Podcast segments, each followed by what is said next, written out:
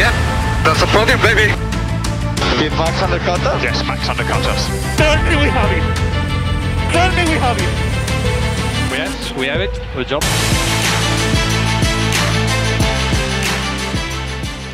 להנפת הדגל במרנלו, הקהל מתבקש לקום.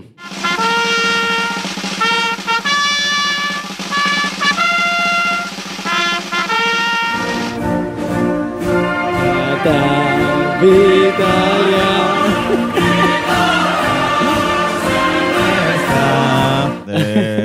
אה, רגע, הפסיק. מה קורה, חברים? וואי וואי וואי וואי. איזה פרק זה כבר? 50 וכמה? 50 ומספיק. 50 והרבה. יותר מדי. אתה יודע, חשבנו שזה נחמד, שנתחיל בהמנון האיטלקי, ש- כן. שתדעו שהוא קיים, שאתה יודע, ה- ה- מה זה, ההמנון ההולנדי כבר הפך לפסקול של הסבב. מה זה, למרטין גריקס תמיד יש לו איזה favorites בפלייליסט. כן. הוא לא שם טרקים שלו, הוא שם את זה קודם. ישירות, כן, כל מה הקהל זה? כזה עף, אה, איזה מטורף השיר הזה. שיר גרוע, אחי, שיר גרוע. אבל הנה, לפחות, מה, מה, אתה תבין, זה מה שטוב בהמ- בהמנון האיטלקי. אתה שומע את האימפריאליזם. קודם כל שומעים שזה המנון שאלף שנה עומדות מאחוריו, וגם, אה, כמו כל דבר באיטליה, הם, הם לא שרים בקצב הכי, זה כאילו, אתה יודע, ההמנון הכי שכונה בארץ, אבל גם הכי, ככה, אתה יודע, אמוציונלי וזה. חד יד. על הלב, חוסר, אה, אתה יודע, חוסר שליטה בקצב, ומוחאים כפיים שלא צריך. כן, בדיוק.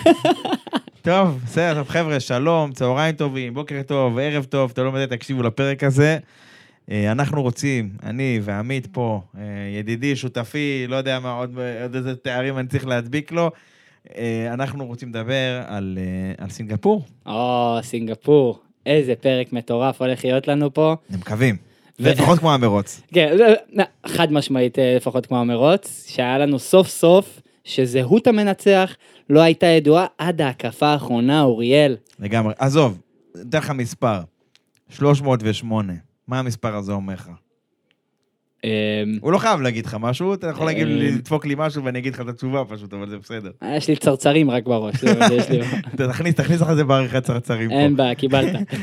אוקיי, 308, מה שזה אומר, זה מספר הימים מאז הניצחון האחרון של אה, קבוצה שהיא לא רדבול. מישהו יודע מתי זה? וואו, וואו, ברזיל 22. יפה, ג'ורג' ראסל. וואו. שהוא גם היה כוכב הסופש, אולי גי- גיבור, הסופש אולי גיבור טרגי, אבל הוא גיבור.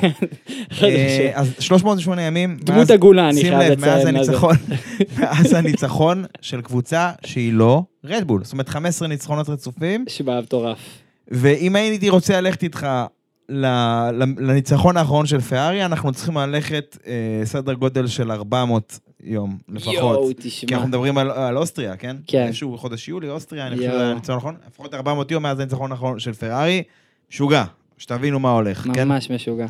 טוב, אז בגדול, אה, בדרך כלל אנחנו לא עושים את זה, אבל לא יודע, היום קמתי על זה, אני לא יודע על איזה צעד, קמתי באלכסון הפוך היום, אבל אני כן רוצה שנדבר על מה אנחנו הולכים לדבר. יאללה. אז בואו נתחיל קצת, קצת אה, שמועות, קצת דברים שקרו מאז הפעם האחרונה שנפגשנו.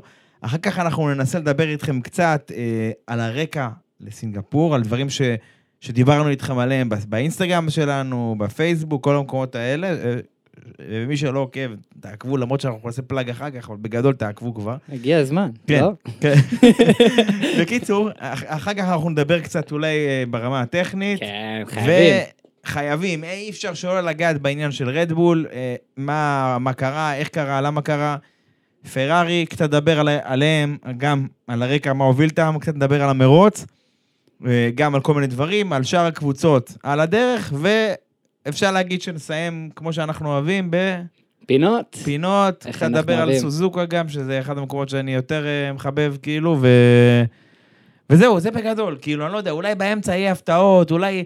אל, אל, אל תצמדו לליינאפ, בסדר? לא, לא ליפול, לא להיות איתי קשים. לא אחרי זה לשלוח לנו תלונות במייל, הבטחתם לנו עוף לשבת, לא יודע מה. עזבו. שמע, הפרק הזה כמו האסטרטגיה של פרארי. אף אחד לא יודע מתי כולם יודעים איך. זה מתחיל, לא יודעים איך זה נגמר, בדיוק. תסתכלו על הליינאפ של הפרק כמו אסטרטגיה של פרארי, אולי נפתיע אתכם, אני מקווה שלטובה. אני מקווה. שלטובה. טוב. אז סבבה. אז מה היה? בוא נתחיל, אה, ברשותך. כן. מה היה מאז הפעם האחרונה שנפגשנו? קצת דברים ש- שהשתנו, וגם דברים שאנחנו חושבים שיקרו, שמועות, עניינים בלאגנים. אז יאללה. בוא נתחיל. אז uh, הדבר הראשון, קודם כל, העניין הזה של, ה, של, ה, של הכיסאות, העניין הזה של מקומות ב-2024, נסגר, והאמת, בניגוד לשמועות, וואו. חידשו עם, אה, עם ג'ו גואניו חוזה, אבל רק ל-24. כאילו, שמע, מה זה רק ל-24? בדרך כלל שיש אה, אה, שנתיים פלוס אחד, אה, אפילו אחד פלוס אחד, אבל אה, יכול להיות שזה אחד פלוס אחד, אבל בגדול שיש לך חוזה שהוא יותר משנה, אז נהוג להגיד בהצהרה הרשמית, מולטי-עיר. כאילו, כן. חוזה רב-שנתי. אבל פה לא דיברו על זה, אמרו, טוב, תשמע, הוא ממשיך איתנו בינתיים, אז כאילו... אז ברור לך שזה 24 ונראה מה יהיה שנה הבאה. לגמרי. עכשיו, למה זה מעניין? כי אנחנו דיברנו איתכם פעם שעברה שיש עניין של היעדר מימון, ואני גם הבנתי שיש אאודי קצת התערבה, אאודי הרי הולכת אה, להחליף את, להחליף אה, את סאובר סאובר, בשלב כן. מסוים עוד איזה שנתיים, והבנתי שזה לא היה כזה מובן מאליו שהוא יחדש איתם, וכמו שאנחנו יודעים, היה קצת שמות אחרים שזרקו, דרוגוביץ' וכל מיני חבר'ה כאלה. שזה חבל. אני אה, גם כן. חושב, אבל מצד שני, אני לא מאוכזב שחידשו עם ג'ו, כי אני לא חושב שהוא, שהוא, שהוא מגיע לו, כמו שאומרים, עזוב, זה לא עניין שמגיע, אבל הבנת את הראש שלי, כן. שמגיע לו לאבד את מקומו. בניגוד לחבר'ה אחרים שנמצאים כרגע על הגריד, נגיד ככה. לא, באמת. אני מסכים איתך, כן. בוא נהיה כנים, בוא נהיה פתוחים בקטע הזה. אם אנחנו מדברים על אאודי, גם יש את הסיפור שאאודי מורידה פיתוח ב-GT3, במקביל. אאודי. אאודי בגדול, אם מעניין אתכם סדרות אחרות, היא בגדול בשנתיים הקרובות הולכת לקפל כל דבר אפשרי שהוא לא פורמולה 1. זה טירוף, שמע, זה ממש מראה זה- כמה הח- החברה הזאת. רוצה נכון, ללכת ב- נכון. בכל הכוח. נכון, ודרך אגב, גם, גם בזה שהם נכנסו לפיתוח של המנוע יחסית בהתחלה, הם עדיין בסוג של פיגור. אני לא אומר לך את זה מידיעה, אני לא יושב בחדרי ישיבות שלהם וזה, אני פשוט אומר, אני יודע מה, מה שנקרא יודעי דבר, שגם שהם אה, הצטרפו יחסית בהתחלה, הם גם כאילו, איך, איך צריכים להדביק את הפער של השאר, שכבר יודעים, עשר שנים עובדים המנועים האלה ויודעים, למרות שזה יהיה מנועים טיפ-טיפה שונים, כבר, אתה יודע, מרצדס ופרארי וזה, החבר'ה האלה כבר עובדים אה, עשור עליהם, אז הם כבר מכירים את השטיקים שלהם. כן. כן, ל, ל, לדברים הבאים. קודם כל, אלפה טאורי. אלפה טאורי, נכון, הנה, קצת לפני שהתחלנו את הפרק, כבר היינו, אה, לא רוצה להגיד, להגיד את שמועה, זה שמועה כי עוד לא אישרו את זה, אבל מי, ש, מי שהפיץ אותה זה בן אדם שהוא הוא עומד מאחורי אתר מאוד רציני, ואומרים שאפרופו המרוץ הבא בסוזוקה, כנראה שיאריכו עם יוקי צונודה, את. החוזה לשנה הבאה, ואומרים שהנהג השני זה דווקא דניאל ריקרדו. מה אתה אומר? זאת אומרת, שנה הבאה ריקרדו וצונודה. עכשיו, וואו. לא יודע, לאור מה שראינו עם, עם ליאם לוסון, או כמו שאנחנו קוראים לו, ליאם לוזון, אה, אני חושב שזה מפתיע אותי מאוד. מאוד, כי בינתיים, עוד פעם, אני לא, אני לא מאלה שאוהבים לצאת בה- בהצהרות לפני הזמן, אבל בינתיים, בינתיים, בדגש על בינתיים, מה שראינו מליאם, ליאם, כאילו הייתי בטירונות. אני חושב שהוא, שזה נראה מבטיח יחסית. כאילו, הוא מסתגל מאוד מהר לשינויים, וגם היה לו התחלה מאוד קשה, זנדוורט, ו- וכאילו, דברים הזויים, ובינתיים אני חושב שיחסית, כן. הוא, הוא עושה עבודה טובה. אני לגמרי איתך. שזה מפתיע אותי אם זה באמת יהיה. ככה, ואני מקווה מאוד שרדבול, אם זה אכן ככה, הם פועלים כדי להשאיל אותו לוויליאמס, במקום אה, לוגן סארג'נט. אני רק מזכיר לך שליאם לוזון שלנו הדיח את מקס ורסטאפן Q2. זה, לא, זה, זה אחד מה... מה סקופים. מה, זה אחד מה... אתה יודע, מההישגים שלו שהוא... אתה יודע, אה, פרארי העלו תמונה של, של סיינס בתור Chad כזה, כולו שרירי כזה שהוא זה, אז צריך לעשות את זה... אה, ליאם לוזון, הבריון השכונתי כזה, צריך גם לעשות לו תמונה של Chad כזה, שהוא כזה הדיח את ורסטאפן, אה, הראשון שעקף את ורסטאפן מזה 500 שנה, כל הדברים האלה. אז תסתכל איזה top scorer כן, הבחור. כולה שלושה מרוצים כבר שובר שיאים של 30 שנה פה. טוב, עוד כמה שטויות שקרו בדרך. קודם כל, אלבון השיק אה, ליין חדש של קולקציה של נעליים, שכבר עפו. וואי וואי וואי. 180 יורו לפני משלוח, מי שרוצה, אבל עפו, אז חכו ל drop הבא. מתחרה בג'ורדן. יכול להיות. גם אלונסו קיבל זוג, גם יוקי קיבל זוג, הלך אותם עם, גרביים כלב, אחי, כרגיל, יוקי, בחור חמוד איזה כזה. חמוד. לא, זה, עכשיו, הדבר האחרון שרוצים לדבר עליהם לפני שניגש לעניין, זה קבוצת האס. אס השנה, הם לא בתמונה. יצא לי חרוז, כאילו איזה ספר ילדים, אחי, מה הבעיה? איי, מסכים? חד משמעית, אני מסכים. כאילו. לא, בוא נגיד, המכונית סבבה, מהירה בדירוג, ובמרוץ משהו שם, יש להם איזושהי בעיה אה, יסודית. מה זה, ש- אפשר- לטגן צ'יפסים על ה- על הצמיגים שלהם. כן, הם נשחקים מהר מדי בגדול. אה, עכשיו, אני, אני אגיד לך מה, זה לא סוד שהם הולכים עם, ה... הם הולכים עם פרארי. מתחילת הדרך, יד ביד כזה, כאילו, מה שהם יכולים לקנות מפרארי מבחינת החוקים קונים מפרארי, המכונית מאוד אה, דומה לחיצונית, לאיך שפרארי נהייתה בשנה שעברה כן, כזה. בדיוק, יותר שנה שעברה מאשר יותר, השנה. כן. השנה התחילה ככה, אבל הם שינו קצת כיוון. כן, בגדול, הם לא הביאו איזה משהו מטורף העונה, מבחינת עדכונים, כן. אבל אה, לפי מה שאני מבין, הם פשוט ניסו להוציא את המיטב ממה שיש להם, קלטו שהם לא בכיוון, והם הולכים לשים את כל הביצים בסל אחד, אפשר להגיד, באוסטין, שזה מסלול עם ספרינט, שזה וואו. אמיץ יחסית, הם הולכים להביא מכונית ביספק, מה שדיברנו פעם. אתה יודע, מכונית לגמרי שונה, חיצונית, כנראה בהשפעת המכוניות המהירות ביותר בגריד, שזה רדבול כרגע. כן. משהו מהותי. שמו את הכל על הדבר הזה, ולמה זה חשוב? כי, כי יכול להיות שמישהו אומר, מה, למה הם עושים את זה? יש מגבלת תקציב, אוסטין זה מרוץ כאילו בין האחרונים בעונה, למה זה טוב? יש, יש כאלה כבאים שמגיבים, וזה הגיוני. אה, אני אגיד לך ש, שבשלב זה, כל כן. מה שתעשה עכשיו במכונית, כל פיתוח שתביא למכונית, יכול להיות שהוא גם לא יישאר. יכול להיות שאתה תראה אותו עכשיו בסוזוקה נגיד, איזה כנף, איזה זה, ואתה לא תראה אותו כל השנה. אתה תראה אותו פתאום בבחריין עוד אה, שלושה, ארבעה חודשים בטסטים כבר, אתה מבין? כאילו, כל מה שאתה עושה עכשיו, כל שיעור שאתה לומד עכשיו, זה משהו שאתה לוקח איתך לתחילת 24. אני אומר לך, מידיעה שהמכוניות של 24 כבר מוכנות. לא מוכנות פיזית, כן. מוכנות דיגיטלית במחשב, הגרסה הראשונית שלהן כבר מוכנה.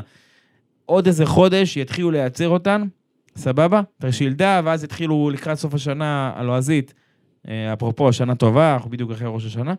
לקראת סוף השנה הלועזית יתחילו אה, מבחני ריסוק, דברים כאלה, ואיזשהו מרוץ נגד הזמן של להעמיד שילדה אחת לטובת הטסטים. והשילדה השנייה היא בין הטסטים לתחילת העונה, עובדים עליה. ממש אה, דדליין סופר חשוב. מה זה של החיים.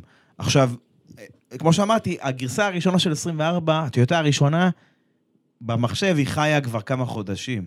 יכול להיות שטיפה השחיזו אותה, יכול להיות שזה סבבה, אבל בקרוב התחילו לייצר אותה.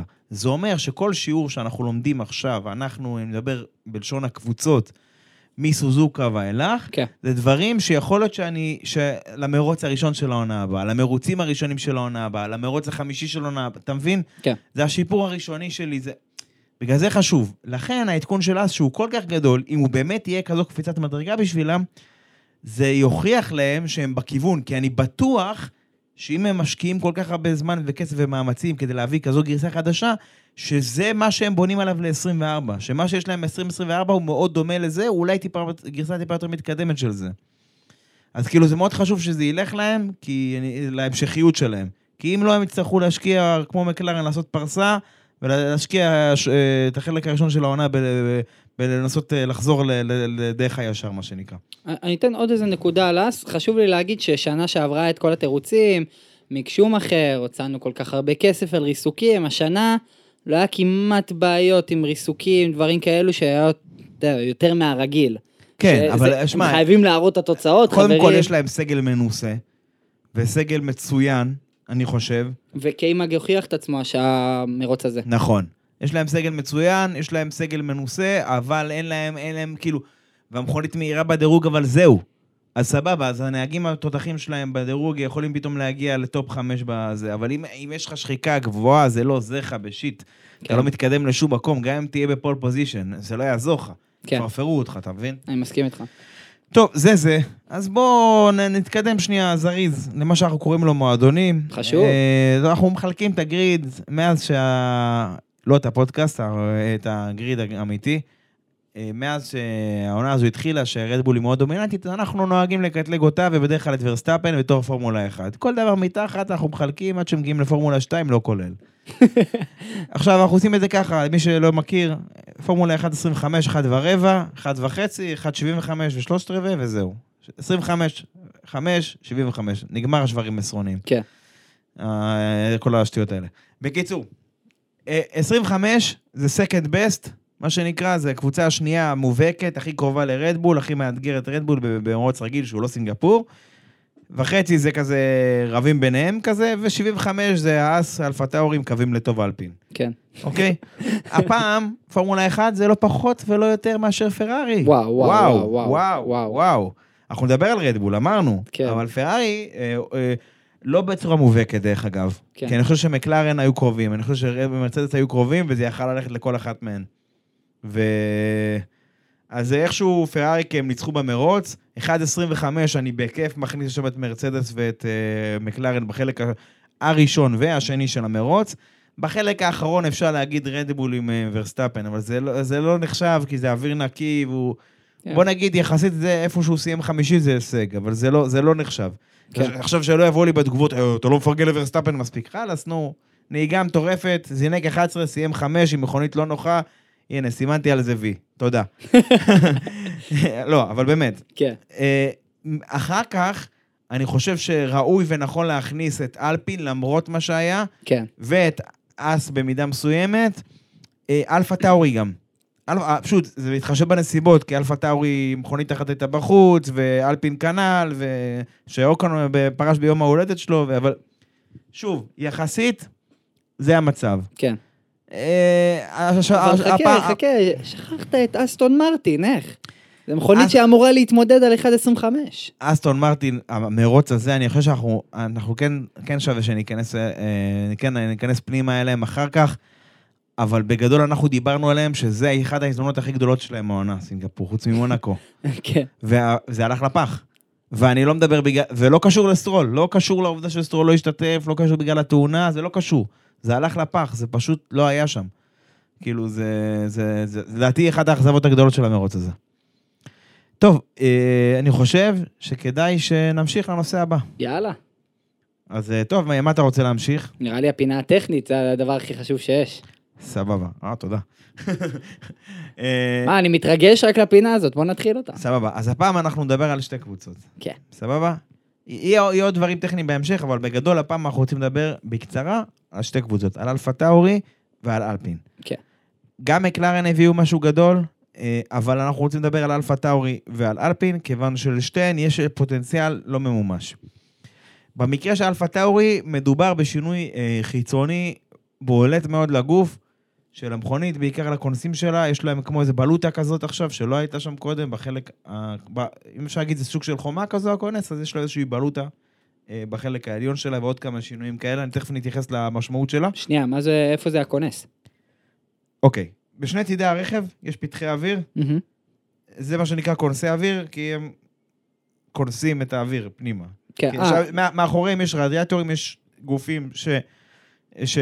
אוקיי, בוא נעשה את זה, יפה. שאלה בסיסית. וואלה, איך הוא מבסוט על השאלה הזו, אתם לא רואים את זה, הוא מבסוט רצח שהוא הרים את זה עכשיו. אני רשמתי לעצמי במחברת ההצלחות של עמית, סבבה. כונסים. במכונית פורמולה 1 אין מזגן. כן. אוקיי? אין קירור שהוא אקטיבי, אין איזשהו מחליף חום, איזשהו, לא יודע מה, איזה מאוורר שזורק אוויר על איזשהו צלעות קירור כמו במחשב שלכם בבית, או משהו כזה, או איזה קירור נוזלי, אין את הדברים האלה. מה שמקרר את המכונית זה נטו התנועה שלה, אה, שהתנועה שלה באוויר, האוויר שחולף על פני המכונית ונכנס לתוך הרדיאטורים. לכן, אה, כשהמכונית עומדת, לא משנה אם היא עומדת כדגל אדום או עומד לפני הזינוק, אז הם דוח, דוח, דוחפים לה לפתחים האלה את כל המפוחים האלה וכל ה... למשל, לחלק העליון, לפתח אה, שמעל הכזה של הנהג, איפה שהכניסת האוויר של המנוע, שמים נגיד קרח יבש ודברים כאלה, כדי שזה, למנוע מזה להתחמם, כי אין שום דבר אקטיבי שמקרר את זה. או, פספסתי את הנקודה. מה שרציתי להגיד, שהאלפה טאורי הביאו עדכון לאותם כונסים לצורה החיצונית שלהם. זה עדכון שהוא אמור להשפיע על הדרך שבה זרימת האוויר אה, פועלת על, על המכונית. ש... בוא נקרא לזה, להטות אותה למקומות אחרים, סבבה? אוקיי. עכשיו, אני כן רוצה שניכנס דווקא לבלוטה הזאת. אוקיי? אוקיי. ואני אגיד לך גם למה. מי שרוצה אחר כך נשים לו תמונות וזה, שתבינו, כי יותר קל לראות את זה ככה. אה, אני רוצה שתדבר על זה בצורה, קצ- בקצרה, למה? אה, כי, כי אה, לפני, לפני שהגענו לסינגפור, השמועה הייתה שהם ילכו בכיוון של רדבול, שזה עדכון בכיוון של רדבול, שהיא דומה לרדבול, כי זה מה שהם הולכים לעשות שנה הבאה בגדול. כן. אבל אפשר להגיד שלא כל כך, לפחות לא חיצונית. יכול להיות שאם תבוא ותשים אותם במחשב ותראה שהן מתנהגות בצורה דומה, אבל בגדול, זה, מבחינה חיצונית לא כל כך דומה. של, למה הבלוטה הזו טובה? קודם כל, אה, בין, ה, בין הגוף של המכונית באמצע לכונסים האלה, הם, הם הלכו עם הטרנד הנוכחי של המגלשות האלה. אוקיי? מה שטוב במגלשות האלה, שזה כמו, אה, כשמה כן, הן פשוט סוג של מגלשות, שהן כמעט בכל תנאי מאפשרות אה, זרימה של אוויר לחלק האחורי של המכונית. עכשיו, למה אני אומר כמעט בכל תנאי? כי קל מאוד לחשוב על זה שהמכונית נוסעת במישור. אם המכונית נוסעת עכשיו במישור, קל לך, אתה עכשיו גם אם אתה לא מבין בזה שום דבר, אתה יכול לחשוב על זה ככה, לדמיין את זה, שהאוויר זורם בחלק העליון של המכונית, בתוך המגלשות האלה, בלי שום הפרעה. כן. אבל אני שואל אותך שאלה הכי פשוטה. המישור לא מעניין אותנו במכוניות פורמולה 1, הוא מעניין לפעמים במונזה וזה. איפה מכונית פורמולה 1 באה לידי ביטוי? איפה היא נבדלת ממכונית ספורט? סתם, איפה? באיזה מקום? בפניות. יפה. למה? כי בפניות אה, יש... אה, אה, בסוף המכונית נצמדת לקרקע ולוקחת את הפנייה יפה. במהירות גבוהה. יש לה בעצם, מה יש לה יותר? אה, אווירודינמיקה. לא, סבבה, אבל במונחים אה, יותר פשוטים. דאונפורס. לא, לא, עוד יותר פשוטים. אה, אם אני, אוקיי, אני לוקח מכונית פרארי, כן. נגיד אפילו גרסת מסלול שלה, ואני לוקח את ה-SF23. שתיהן באותה פנייה, נגיד ה-SF23 לוקח את זה ב-200 קמ"ש, והיא ב-120 ואיכשהו זה. מה ההבדל? הצמדה. נכון, אבל במונחים יותר פשוטים. אה, אחיזה. עזוב הצמדה, עזוב אוויר, אל תדמיינו מולקולות של אוויר, אל תדמיינו בטיח. כן. יותר אחיזה, זה מה שמפריד, אוקיי? עכשיו, אה, אה, אני, אם נחזור לנושא המקורי, אותם המגלשות, מה העניין עם זה? הכי קל לדמיין את זה בקו ישר, אבל זה לא מעניין אף אחד. אנחנו לא מדברים על קו ישר, אנחנו מדברים על, על בזמן שהמכונית בפנייה. בזמן שהיא בפנייה, יש כל מיני צירים של סיבוב, כמו מטוס, מאוד קל להשוות את זה למטוס. נכון, למטוס יש שילרוד, יש כאילו, הכוונה יש כל מיני צירים שיכול לזוז מלמטה למעלה, משמאל לימין, הצירים של סיבוב אני מדבר. כן. אותו דבר מכונית. הרי שהיא מאיצה, החלק התחתון שלה עולה. צונח, מהמם. והחלק העליון שלה עולה, וכשהיא פונה, חלק, אה, צד אחד שלה אה, יורד, הצד השני עולה. כאילו, המכונית היא, היא בגדול עניין דינמי, היא לא סטטי, היא לא משהו, היא לא משהו קשיח, היא לא משהו שלא זז לשום מקום, סבבה? כן. זה עניין דינמי. עכשיו אנחנו מדברים, שאנחנו בפנייה, דמיין את המכונית בזווית מסוימת, לא משנה אם זה זווית שמאלה, ימינה או למטה ולמעלה, ודמיין זרימת האוויר שמגיעה מהצד, כמו מפרש. כי אני אמרתי לך, קל לך מאוד לדמיין את זה בצורה ישרה, כן. נכון? כן. לכל, גם זה, כל המומחים למיניהם, אה, תמיד כזה מסבירים את זה ככה, מומחים במרכאות. אה, לא שאני מומחה, אבל אני אומר, אנשים ש... כן, כן, כן. שאתה יודע, מתיימרים אה, ללמוד. אני, אני מאמין ש... בוא, בוא אני אגיד לך משהו על, על הדברים האלה מניסיון אישי. זה לא איזה אוטוביוגרפיה של אוריאל, לא להילחץ, תירגעו.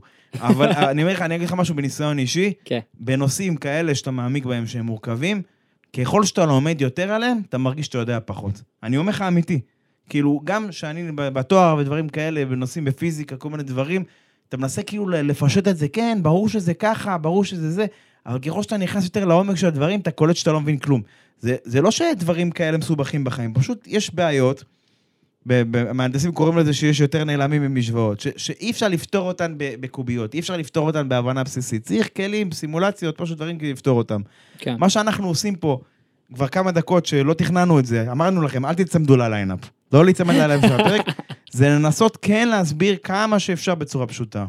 כן. עוד פעם, לענייננו, המכונית פונה בזווית, האוויר מגיע בזווית גם, כמו מפרש. אתה אומר, עכשיו, במצב כזה, החומות האלה, עם, ה, עם, ה, עם המגלשות האלה במרכז, בעצם הן משמשות כחומות.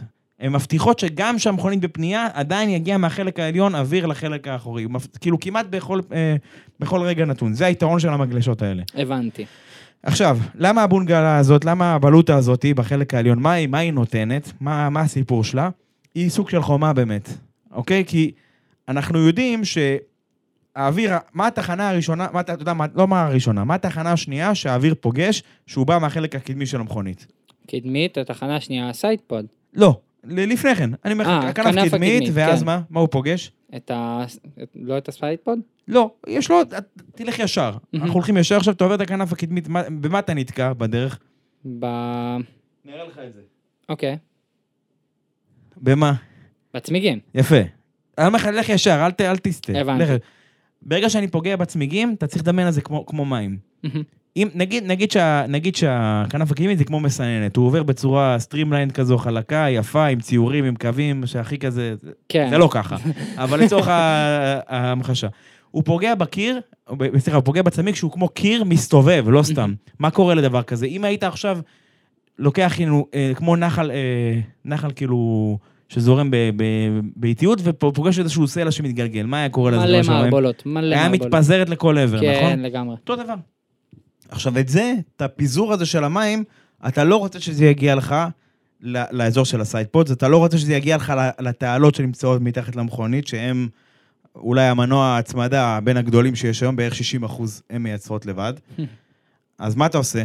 אתה צריך איכשהו לדחוק את זה החוצה. כן, להרחיק אותם. עכשיו, אתה יכול להרחיק אותם מחוץ, אל, אל מחוץ לגוף הרכב. כן. סבבה? אל מחוץ, החוץ, אה, זרימה חיצונית, מה שנקרא.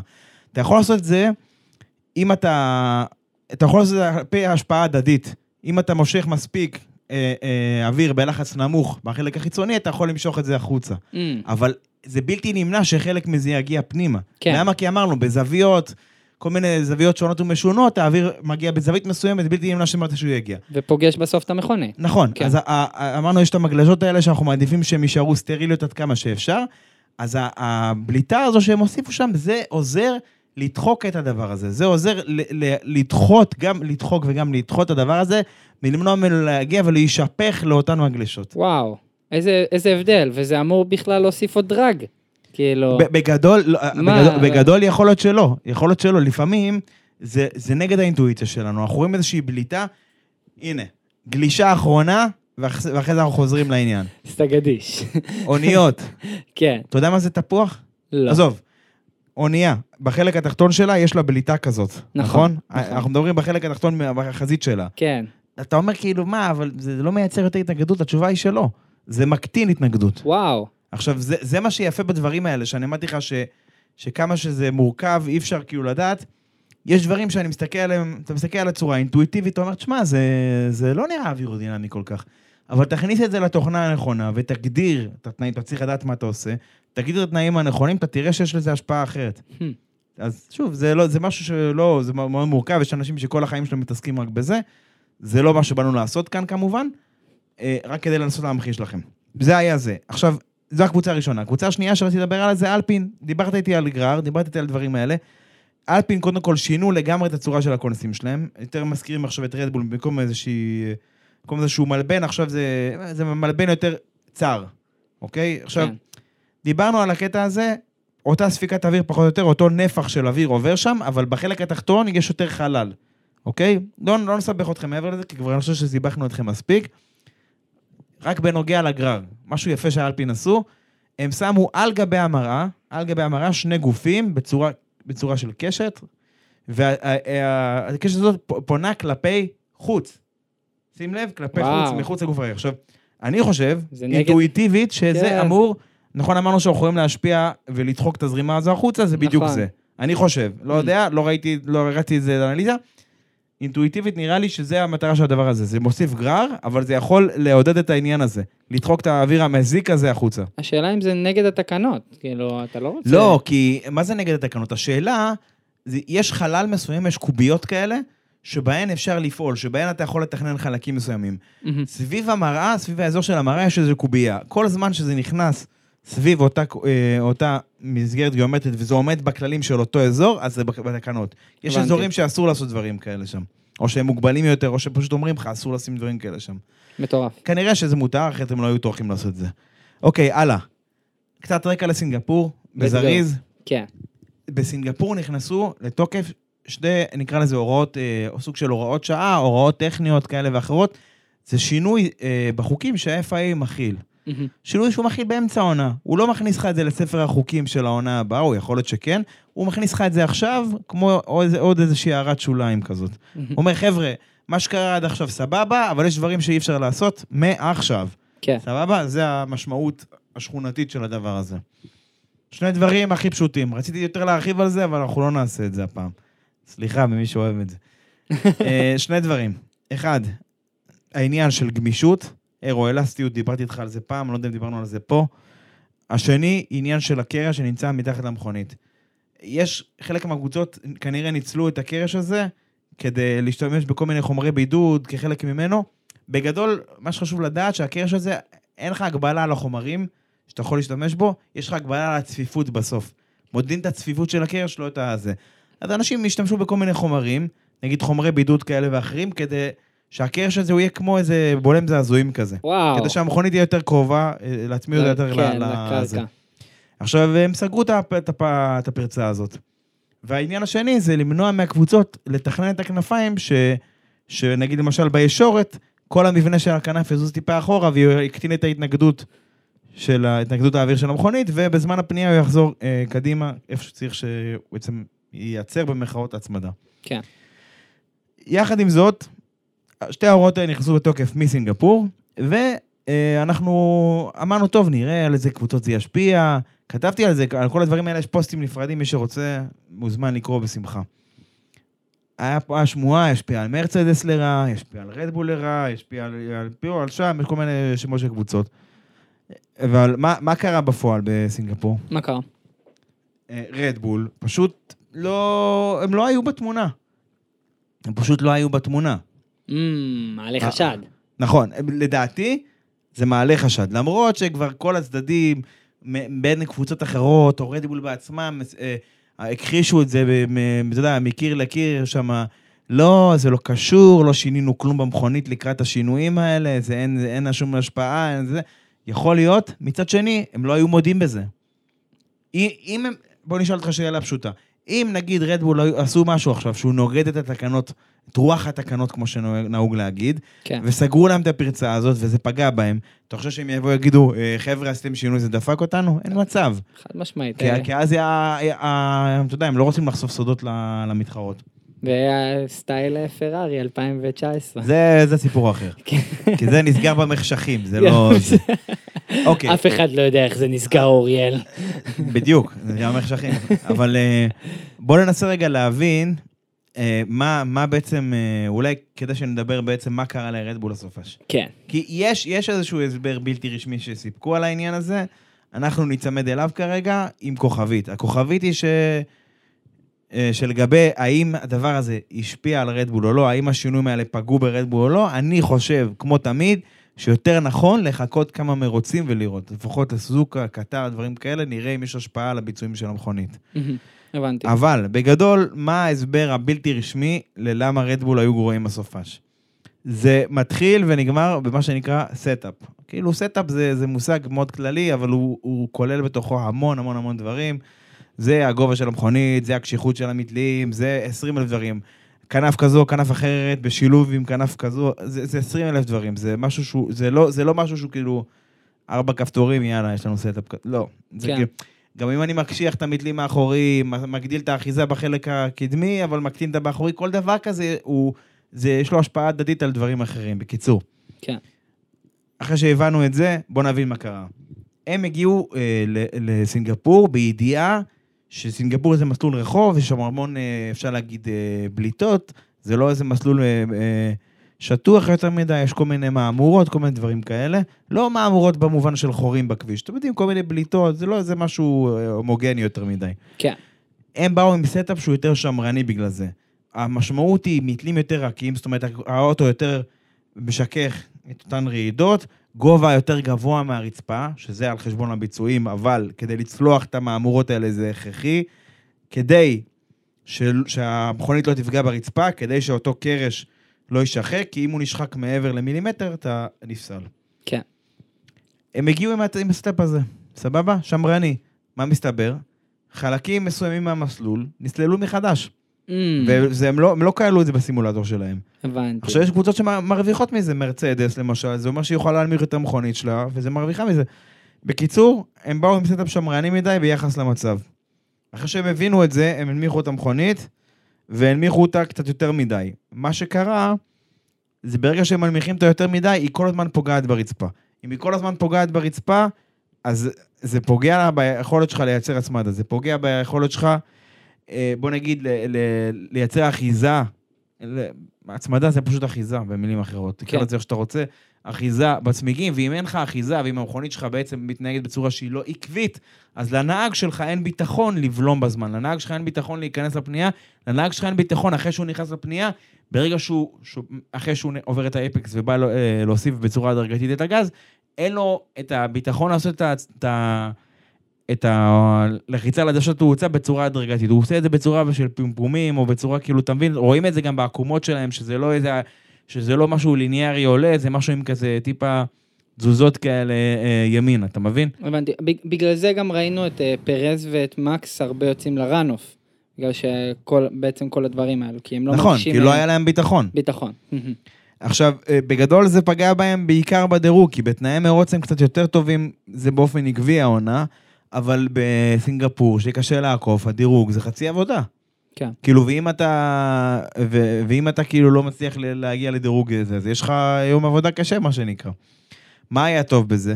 לנו כצופים, ש, שבגלל שקשה לעקוף שם, אז הם היו צריכים להילחם על המיקומים שלהם. במרוץ אחר, שקל לעקוף, מישהו רואה את מקס מגיע מאחורה, הוא לא, לא מתאמץ בכלל, הוא לא... אני לא מתחרה איתו, אני לא שורף את הצמיגים שלי עליו, שיעבור מצידי. כן. כן. לא, לא מעניין אותו, אבל עכשיו הוא יתחרה איתם על מיקום. כשהוא הגיע למגנוסן, הוא יתחרה איתו על מיקום. כשהוא מגיע לאלפין, הוא יתחרה איתה על מיקום. אז הם, היה להם למה להגן. וזה המגניב, לראות אותו אשכרה צולח אותם, אתה מבין? כן. לא שהוא לא יכול, המכונית יותר חזקה, וגם הוא נהג סופר חזק, זה לא שאלה, אבל עדיין היה כיף לראות אותו אשכרה נלחם על המיקומים האלה, ולא כאילו, טוב, זהו, הוא עובר אותם בישורת כאילו הם כלום. אני מסכים איתך לחלוטין, וגם אני אוסיף כאן ההבדל בין פרז למקס בקטע הזה. טוב, פרז היה לו מרוץ גרוע, הוא פירק 20 אנשים, הוא פירק את אלבון, אלבון ו... את צונודה אוקון. תחילת המרוץ, ו... אה, לא, צונודה. סליחה. את צונודה הוא פירק לו חצי רצפה, בגלל זה צונודה פרש, לא בגלל הפאנצ'ר. אני אראה לך את התמונות, אחר כך אתה תיבהל, וואו. זה נראה רע. כל מה שדיברתי על המגלצ'ות וזה, זה היה כמו גן אה, שעשועים נטוש, אחי. מה זה. פרז לקח את השדרוג החדש מהאייפון 15, הטיטניום?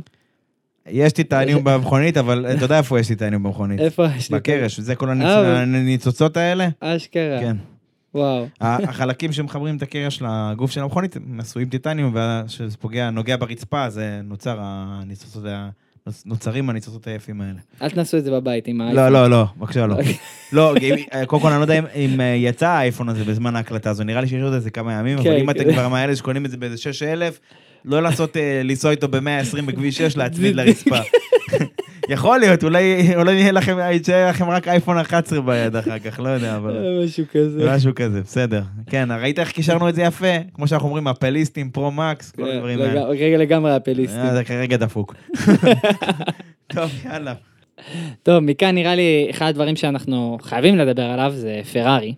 כי זה לא רק הניצחון של קרלוס סיינס, היה כאן כמה דברים שאני אני ספציפית חייב לדבר עליהם, כמו מה קרה ללקלר שישב אה, במקום מאוד טוב בפי 2 עם סופט ונראה ממש ממש טוב בתחילת המרוץ, ופשוט אה, סיים במחו... שמע, מקום חמישי, איזה, מבאס, זה מבאס. אתה- אתה יודע מה זה אומר עליו?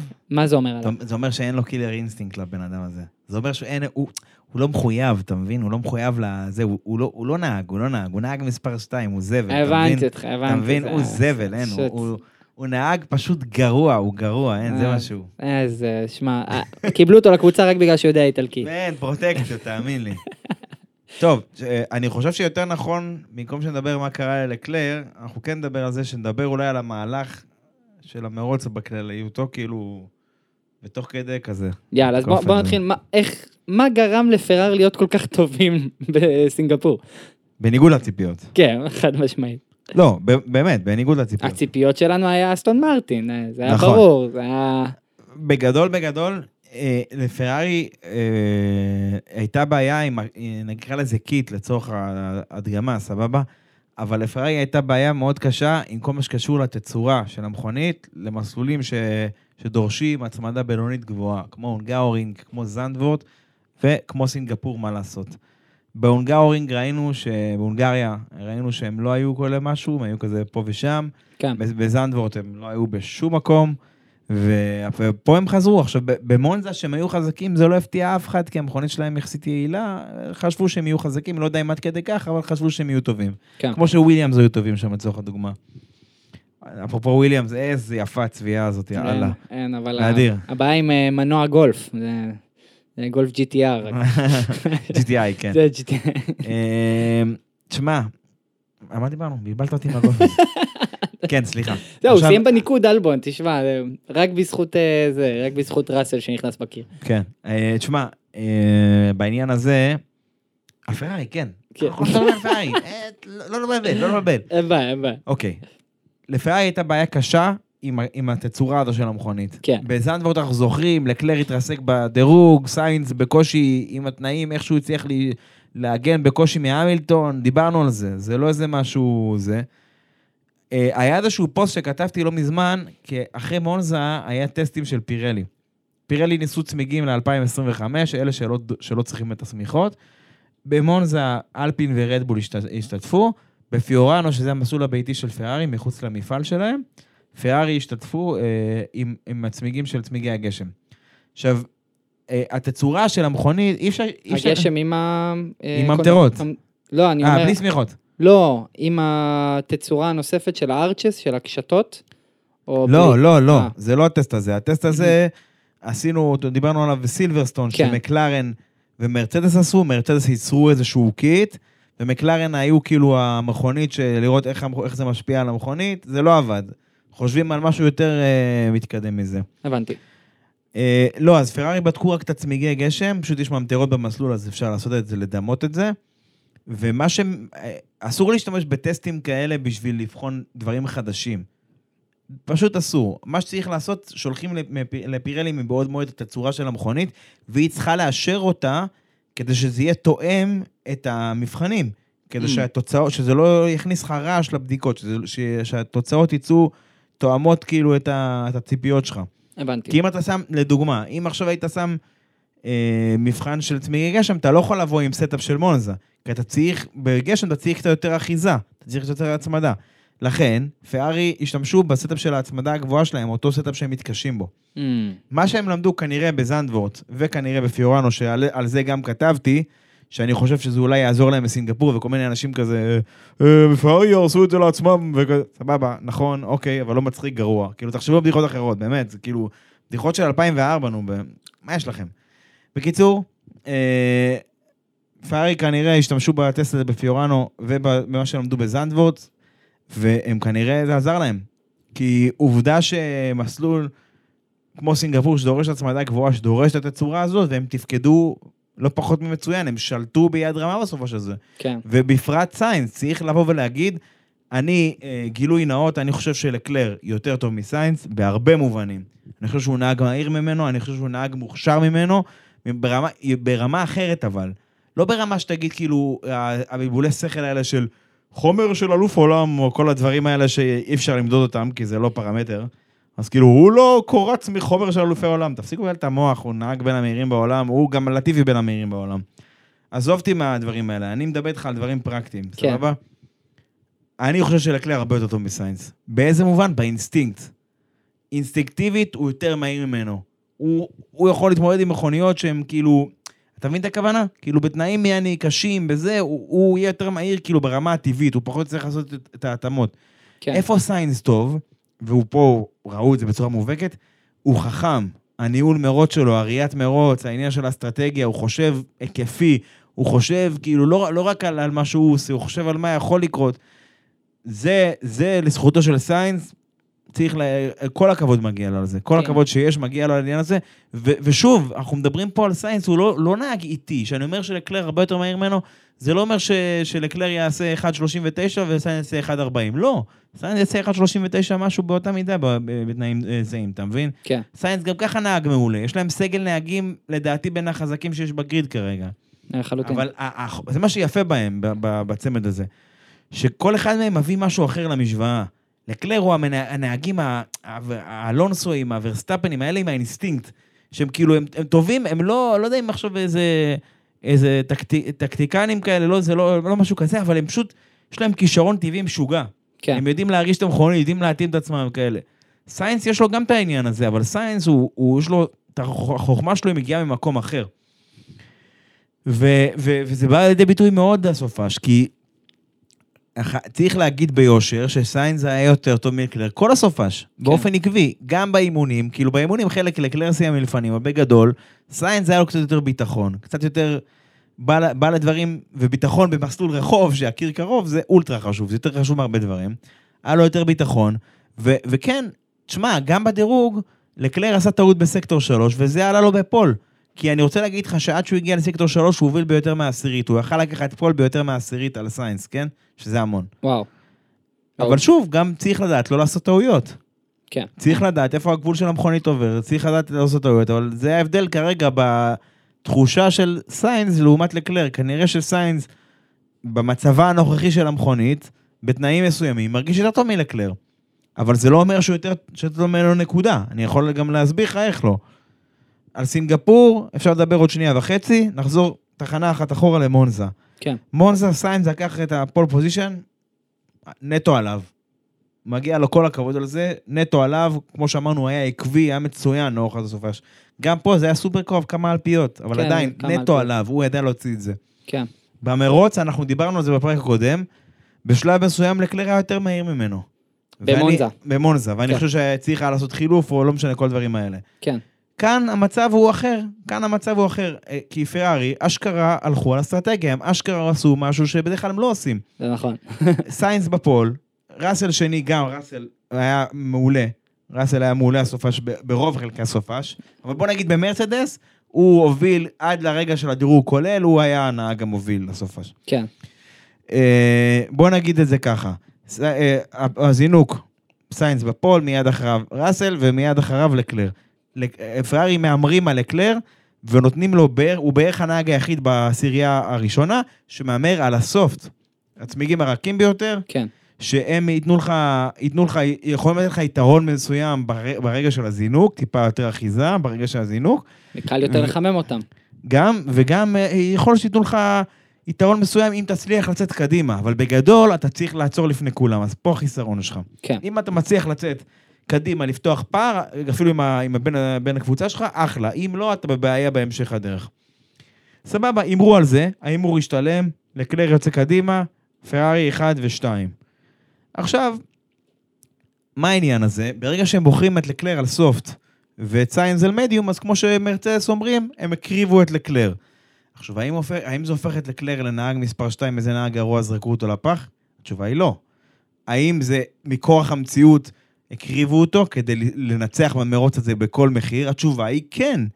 והוא מודה בזה, הוא מבין שהוא היה צריך לשתף פעולה עם הקבוצה, וזה בדיוק מה שהם עשו איתו. הרי שמקס נגיד ב pole position, הוא לא עושה את מה שפרארי עשו. כן. הוא יוצא לאופק, פותח את החמש שניות פער שלו, שאם צריך לעצור, או מישהו יעצור, יגביל, יעשה לו לעשות לו undercut, הוא יוכל להגיב לזה זריז. כן. וזהו, הוא יוצא קדימה לאופק, לא מעניין אותו כלום, מסיים חודשיים לפני כולם. בפרארי זה היה אחר, המצב היה אחר, כי היה לך את סיינס על מדיום, את לקלר מיד אחריו באותו קצב על ה soft, בהתחלה לפחות, ועל הראש שלהם, מרצדס ומקלרן עם נוריס, ובקצב דומה. זאת אומרת, הם, עכשיו, הם, מה שהם ניסו לעשות זה לעכב את כולם. קרלוס היה הקטר, יותר נכון קרלוס היה כזה שרת תחבורה, לא יודע מה. לקלר היה הקטר, לקח כמה צעדים אחורה בהוראת הקבוצה, כדי לעכב את כולם. למה לעכב את כולם? כדי לא, לאפשר לבן הקבוצה שלו לפתוח פער מאנדרקאטים. עכשיו, אנחנו דיברנו איתכם מה זה אנדרקאט, אבל בגדול, נסביר שוב. אם, אה, יש כאילו שתי סוגים, אה, כל מיני סוגים של אסטרטגיות, אבל יש כאילו שתי סוגים עיקריים, undercut ו overcut. undercut זה אומר שאני עוצר לפני היריב שלי, עוצר, אה, לא יודע מה, לפני שאני עוצר אני דופק הקפות מהירות, עוצר, יוצא מה pit, ומתי שהוא יצטרך לעצור, אני, אני אצא לפניו, אני אהיה לפניו, זה מה שזה אומר. כן. אז כדי להגן מ undercut, אתה צריך לשמור על איזשהו פער מהיריבים שלך. כדי, כי אם אתה קרוב אליהם, הם יכולים אה, לעצור, ואתה לא תספיק לעצור בזמן, ואתה תפסיד את המיקום שלך. כן. אז זה מה שהם ניסו לעשות. שמו את לקלר, האטו את לקלר בכוונה, כדי שסיינס יוכל לצאת קדימה. זה, בעצם השתמשו אה, בלקלר כחומה. אה, כן, בואו נמשיך. כן, מפה בעצם אנחנו מדברים על זה ש... בוא נדבר תכלס עכשיו על מהלך המרוץ, שסבבה, אז לקלר עצר את כולם, נתן איזשהו חומה. ואז, אז בעצם אנחנו מדברים כבר 20-22 הקפות, יש לנו את ה safety car אה, בגלל אה, לוגן סרג'נט אה, שנכנס בקיר. לא, הוא לא נכנס בקיר, הוא תרם את הכנף הקדמית שלו לקהל. הוא סח... לא, סליחה, הוא לא תרם אותה, הוא סחב אותה איתו כל הדרך מתחת למכונית. רצה לתרום ולא לא הצליח. לא, זהו, מה שהוא כן תרם לקהל, את השפיצים האלה, זה מה שהוציא את ה safety car הראשונה. הבנתי אותך. כן, סליחה, תמשיך. אז בעצם יש לנו את ה safety car, ו- ושם גם קורה ללקלר איזושהי טעות. מה, מה, מה הולך שם בפרארי? אז בעצם סיינס נכנס, מחליף צמיגים, הכל טוב, הם עושים איזה double stack, אבל לקלר נשאר שם איזה שש שניות לפיק. חמש מה, שניות. מה לא, היה דרך שם? אגב, זה לא הייתה טעות. זה, אוקיי. הם, ה double stack של פרארי, באופן, אה, באופן מובהק, אני אומר לך, הוא היה טיק טק. העניין הוא פשוט, העניין הוא פשוט. אה, פשוט, ברגע שאתה משחרר את ה... כשאתה מסיים את העצירה, אתה צריך לשחרר אותו לישורת של הפיץ כדי שיצא החוצה. כן. אם יש מכונית אחרת שמגיעה, אסור לך לשחרר, כדי, כדי שלא לא, לא, לא תגרום לתאונה, מה שנקרא unsafe release, או שחרור שנעשה בצורה שהיא לא בטוחה. תשמע, אמר מי שאמר, אה, מי זה היה? אני חושב שבחור, איתי. יש איזה בחור, איתי אה, לנואל, אני לא זוכר, אני מקווה שאני לא טועה בזה. הוא אמר, ואני נוטה להסכים איתו, והוא אומר את זה כאוהד פרארי. הוא אומר שקבוצה אחרת לא הייתה רואה בעיניים, הייתה משחררת את לקלר ויהיה מה שיהיה. מה שקרה, המילטון הגיע, ובגלל זה הם לא יכלו לשחרר את לקלר, וזה עיכב אותו, וזה גרם לקלר לאבד מיקומים גם למרצדס וגם למקלרן, וגם אחרי זה לעקוף את הרדבולים שנשארו בחוץ, כי הם לא עצרו בזמן הסייפטיקר. הסייפטיקר בגדול דפקה את רדבול. למה? רדבול פתחו על ה hard, קיוו... אה, על ה hard? כן, כן. על ה hard. קיוו שלא, שלא יהיה להם safety car כזו מוקדמת, כי הם רוצים למשוך את ה hard הזה עד הסוף, הם לא יכולים להחליף עכשיו למדיום, כי אין להם מספיק הקפות שהמדיום ישרוד עד סוף המרוץ. אתם כן. מבינים את הרציונל כאן.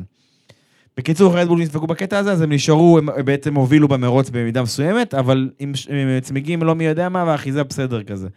אז עכשיו לקלר תקוע, הוא צריך גם לעבור אותם, גם לעבור את מרצדס וגם את מקלארן. זה די הרס לו את המרוץ, אני חושב שעדיין אפשר היה להציל את זה, אבל uh, זה, זה די הרס לו את המרוץ, הוא, הוא, בילה את זמנו בלנסות לעבור את החבר'ה האלה, בזמן שסיינס היה מלפנים עם אה, צמיגים יותר ישנים. הבנתי.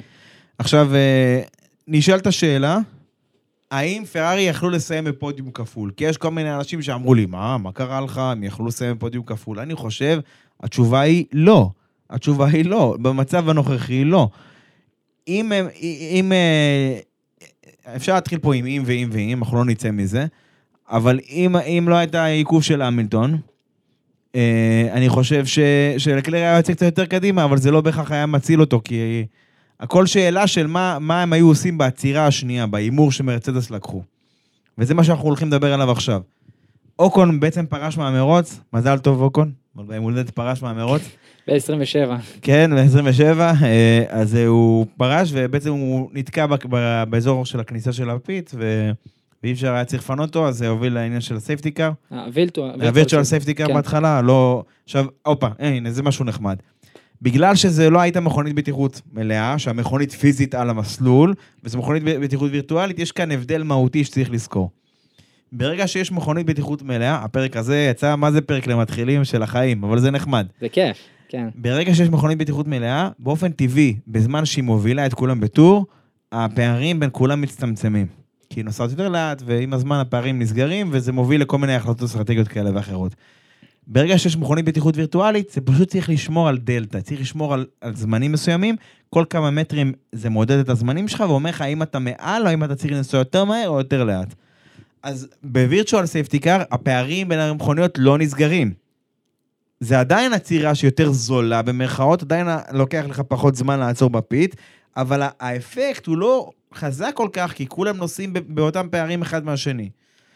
במצב הזה, מרצדס מחליטים לעצור עם שתי המכוניות שלהם, לסט מדיום החדש היה להם. היה להם במקרה סט מדיום חדש, שלאחרים לא היה, והם מחליטים איזה 15 הקפות לסיום, או 20 ומשהו הקפות לסיום, אני לא זוכר כרגע את המספר המדויק. טווח כזה, לעצור עם מדיום חדשים, ולתקוף את כל מי שנשאר מקדימה עד הסוף, מה שנקרא ללכת על הניצחון. עכשיו, זה יפה. או ללכת על ה overcut. לא, כי לא, לא ציפו שישר יעצרו. אממ, הבנתי. אלא אם כן היה איזה עוד איזשהו אירוע, אבל בגדול לא, לא ציפו שישר יעצרו. כן. למה זה יפה? כי זה לא תואם את מרצדס. זה אסטרטגיה ווינרית. עכשיו, זה נשמע כאילו אני קורא להם לוזרים, הם לא לוזרים, אבל בתקופה שהם היו דומיננטיים, אנחנו כל הזמן דיברנו על הקטע הזה שמרצדס הולכים על בטוח באסטרטגיה, הולכים על בטוח. אפילו באבו דאבי 21, כן, המרוץ הזה, הם לא עצרו את המילטון בכל הפעמים שהם יכלו, בגלל שקשה לעקוב שם. כן. ובניגוד מוחלט לזה, רדבול בכל פעם, אין מה להפסיד, תעצרו את מקס 17 פעם גם, אתה מבין? אז מרצדס, לראות אותם עושים אסטרטגיה כזו אגרסיבית, וזה פשוט, זה, זה בניגוד לכל, מוחלט לכל מה שהם עשו בשנים האחרונות, אז זה היה כיף לראות את זה, ש, שהם עדיין רואים את ההזדמנות והם לא מפחדים לקפוץ עליה, בניגוד מוחלט לכל מה שהם עושים. כן. בקיצור, הם יוצאים החוצה, והם, אה, ומלפנים יש לנו את אה, סיינס, את נוריס, ואת אה, מיז- מיזודיה ואת אה, לקלר, שהם כולם על צמיגים של הארד ישנים. שהם איתם כבר זמן מה, שהם... למרות שסיינס משך את כל העולם ולא נסע בקצב מהיר, זה לא, כנראה שלא נשאר בהם עוד הרבה חיים, מה שנקרא. הם לא... הוא לא הולך עכשיו לשרוף את המס... לקבוע את ההקפה המהירה ביותר איתם, נגיד ככה. כן. בקיצור, מרצדס סוגרים על כולם בפער של... אה, ראסל יותר נכון, סוגר על כולם בפער של שתי שניות להקפה, שזה עצום. בינתיים הם מתחילים להבין מה קורה בפרארי, הם מפנים צ'יק צ'ק את לקלר, שהיה עם צמיגים ישנים. וכאן אני חושב שזה המקום, אתה מדבר איתי על הקטע של היפותטי, מה פרארי יכלו לעשות, אם פרארי היו מכניסים את לקלר יחד עם מרצדס, או קצת אחריהם, קצת לפניהם, זה היה מאפשר ללקלר, נותן לו סיכוי יותר טוב. כי כן. מאחורה, זה גם יש אחד החבר'ה שדיבר איתי לפני הפרק על זה, אני לא זוכר כרגע את השם שלו, אבל מאחורה היה לך בערך 20 ומשהו שניות עד לאלונסו, שגם לא היה 5 שניות עונש. לא משנה. אז כאילו היה לך buffer, היה לך את הפער לעשות איזשהו משהו. אם הם היו עוצרים את לקלר, יכול להיות שהיו נותנים לו סיכוי קצת יותר טוב, אה, אתה יודע, להילחם אה, יחד עם מרצדס, ושלא יפנו אותו. כן. אה, עכשיו, מבחינת מרצדס, גם, גם פה יש כאילו איזשהו מקום לשינוי. יכלו גם לפצל אסטרטגיות, מה שנקרא, שזה גם אופציה שהרבה אנשים אה, גם אה, דיברו, גם בתגובות שנתנו בקבוצה, וגם אחרי זה בפרטי, ששאלו וזה. מה היה קורה אם ממרצדס היו מפצלים? מה זה מפצלים? נגיד, משאירים את ראסל בקבוצה הזאת של, של להיות בערך באותו קצב של נוריס וסיינס מקדימה, ולמשל לא צריכים את לואיס. הבנתי. מה שהיה קורה לדעתי, בקצב שהיה ללואיס, הוא היה סוגר אותם, אולי אפילו מנצח במרוץ. וואו. אני לא, אני, זה נשמע לך אולי כזה, מה יש לך? כן, זה- גנוב, זה כאילו? שונה מהתוצאה המוחלטת. אז אני אגיד לך למה, אני אגיד לך למה, כי, כי בפועל, נכון, דיברנו על זה שראסל סגר שתי שניות להקפה על כולם, נכון. על השתי שניות של ראסל, ללואיס היה עוד איזה שש עשיריות עליו בממוצע. וואו. שש, שמונה עשיריות, אז בגלל אמרתי שש בממוצע. תבין, כאילו, בגדול ראסל עיכב אותו. האם הם צריכים להחליף ביניהם? אני חושב שהתשובה היא לא. כי לא צריך כאילו על ההתחלה לשחרר, לא. בוחרים באסטרטגיה, הולכים איתה עד הסוף. כן. הם צריכים להפך, לתקוף שניהם ביחד ולפנות את המקלרן ולפנות גם את הפרארי בהמשך. אז לא, אני לא חושב שהם היו צריכים לפנות ללואיס, גם במחיר שיכלו לנצח איתו את המרוץ, אבל אם הם היו מפצלים את האסטרטגיות, יכול להיות שהם, שהם היו לפחות בהקשר של לואיס, נותנים לו סיכוי יותר טוב לנצח. הבנתי. האם, הם היו, האם ראסל יכל לנצח במרוץ, אם הוא היה נשאר איתם עם ההארדס? כאילו, כמו שאמרנו, הם הפכו את האסטרטגיות, אם ראסל נשאר בחוץ עם כן. כולם ו- ולואיס עוצר, אני אומר לך שלא. כי סיינס שלט בקצב. גם שהמרצדס הייתה מכונית קצת יותר מהירה, עדיין קשה מאוד לעקוב בסינגפור, וסיינס עשה כאילו, בוא נגיד, הוא שמר קצת קצב, הוא יכל קצת לברוח להם. יכול להיות שבשלבים היותר מתקדמים, ראסל היה כבר מתחיל להגיע לאיזשהו קרב עם נוריס, אני לא יודע בדיוק, אבל... אתה יודע, קשה לדעת עכשיו ב- ב- בדיעבד. אני, אני רוצה, אם אנחנו רוצים לגלוש לנושא מאוד ספציפי, אני רוצה לדבר על סיינס, והרבה אנשים דיברו כמה המהלכים שלו היו מטורפים, איזה איי-קיו גבוה, איזה יכולת פורדי צ'ס. כן, אני, אני באמת רוצה להבין באמת מה הלך שם, ולהבין את כל הסיפור עם הדלתא ל-DRS למול נוריס, באמת כמה באמת הוא הצליח אה, לשמר את הניצחון שלו. אוקיי, אז קודם כל, אני, כמו שאמרנו, לסיינס מגיע הרבה קרדיט, אבל גם מגיע קרדיט לקבוצה. כי האסטרטגיה המקורית של הקטר הזה, של לשלוח את לקלר בתור איזה סמן אחורי, ושסיינס יצא קדימה, מה שנקרא לעכב את כולם, זה אסטרטגיה של הקבוצה. וגם הקטע הזה של לתת ללקלר לזנק על סופט כדי לשתף, לשתף פעולה בדבר הזה, זה אסטרטגיה של הקבוצה. אז טוב מאוד שהקבוצה הלכה עם אסטרטגיה ש... והלכה איתה עד הסוף, ולא פלן E, פלן Z, פלן T, כל השטויות האלה. כן. התפקוד שלהם היה יוצא דופן, אתה יודע, המרוץ הזה. זה החלק הראשון של העניין. החלק השני שאתה מדבר עליו, זה, זה, זה, זה קטלני. עוד פעם, אנחנו הולכים לשלבים המתקדמים של המרוץ. מרצדס שועטים קדימה, סוגרים בפער של שש שניות להקפה על נוריס וראסל שהם על צמיגים ישנים. הם מגיעים כבר, רואים את ה... את ה... נוריס ו... נוריס וסיינס. וסיינס, סליחה, שהם על צמיגים ישנים, הם כבר כן. רואים את הכתום, סליחה, את השחור של מקלרן, הם ויתרו על הכתום כמעט לגמרי. צביעת סטלפה, צביעת תוכנית חיסכון, אחי. לגמרי. נשאר שם כוס של כתום, אחי, לא נשאר שם כלום. לא. משנה.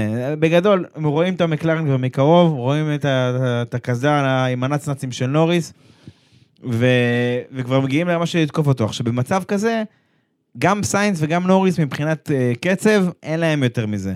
אם אנחנו מדברים על זה שסיינס ונוריס עושים דקה 38, נגיד, אל תפוס אותי רגע על הסירית, אבל נגיד דקה 38-3, דקה 38-6, דקה 38-8 אפילו.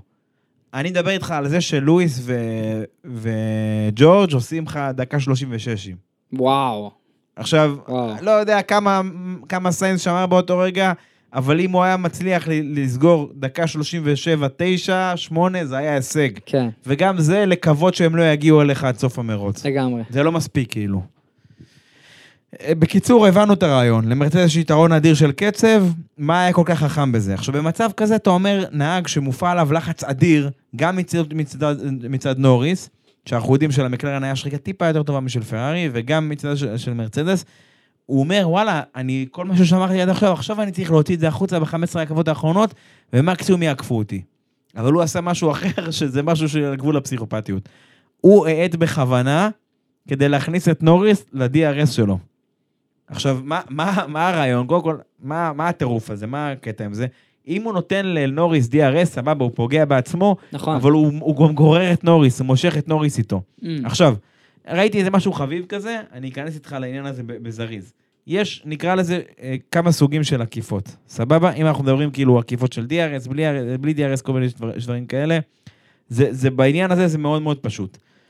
אם לך אין DRS ולי יש DRS, אז זו העקיפה הכי פשוטה, נכון? כן. כי ה-DRS הוא מקטין את התנגדות, התנגדות האוויר שלי, ביחס אליך, אני מתקדם אליך מהר, יוצא לעקיפה. כן, אם לך אין ולי אין, נגיד בגשם או משהו כזה, זה עקיפה סופר קשה. נכון. כי אנחנו, יש לנו את כל ההתנגדות האוויר שבעולם כרגע אי אפשר.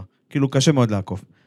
אם לי יש ולך יש, זה עקיפה עוד יותר קשה. למה? וואו, למה? כי הגרר של המכונית של שתינו הוא קטן. אז האפקט של הגרירה קטן גם הוא. אם Mm. ההתנגדות של שנינו הרבה יותר נמוכה, אז לא, אין הרבה מה להפחית במרכאות, אם אנחנו מדברים בצורה כמותית הכי, הכי לפשט את זה, של כיתה א', אוקיי? אז במצב כזה, אם לנוריס יש DRS ולראסל מלפנים יש DRS, גם שלראסל יש יתרון אדיר בקצב, הוא צריך יתרון יותר גדול מזה כדי לעקוף אותו. אממ, אז ברגע שסיינס מאט, אז מה שהוא עושה, נכון, הוא מסכן את עצמו, ובמצב הכי מסוכן שיכול להיות, שהוא יכול להפסיד את הניצחון, אבל הוא, הוא בעצם גם מושך את נוריס, וגם ל, אה, ראסל מתקשה לעקוף את נוריס בגלל מה שדיברנו עליו.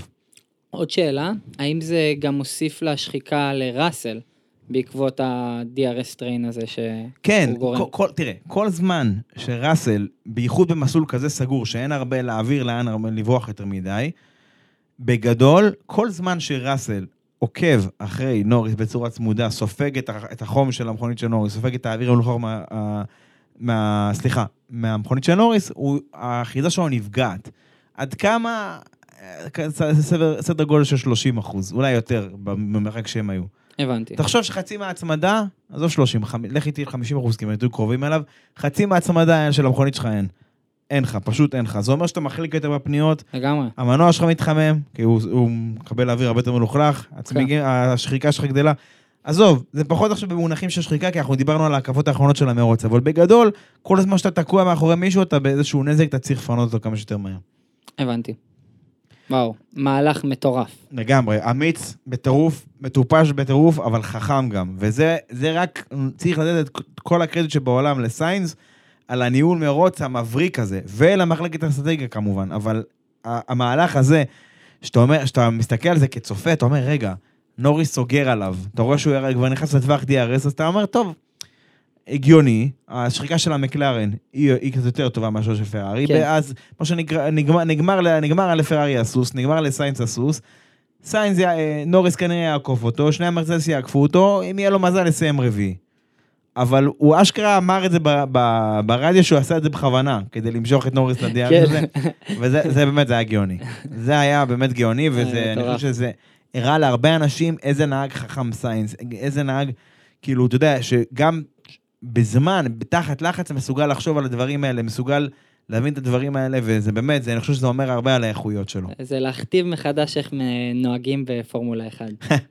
זה, זה יפה, זה, זה הלכת. מהפכני פה, כן. לא, זה לגמרי, לגמרי מהפכני. טוב, מכאן אני רוצה לקחת אותך לפינות שלנו, אוריאל. יאללה, אז אה, נתחיל בפינה הראשונה. Post Position. איזה cringe זה היה. טוב, Post Position זה כל הדברים שאתם עושים, אה, תגובות, אה, פוסטים, הודעות בפרטי, כתובות נאצה, כל מיני דברים כאלה שאתם עושים, שאנחנו ככה אהבנו ואנחנו רוצים לשתף אה, עם כולם. אז יאללה, נתחיל ב Post Position הראשון שלנו, נראה לי.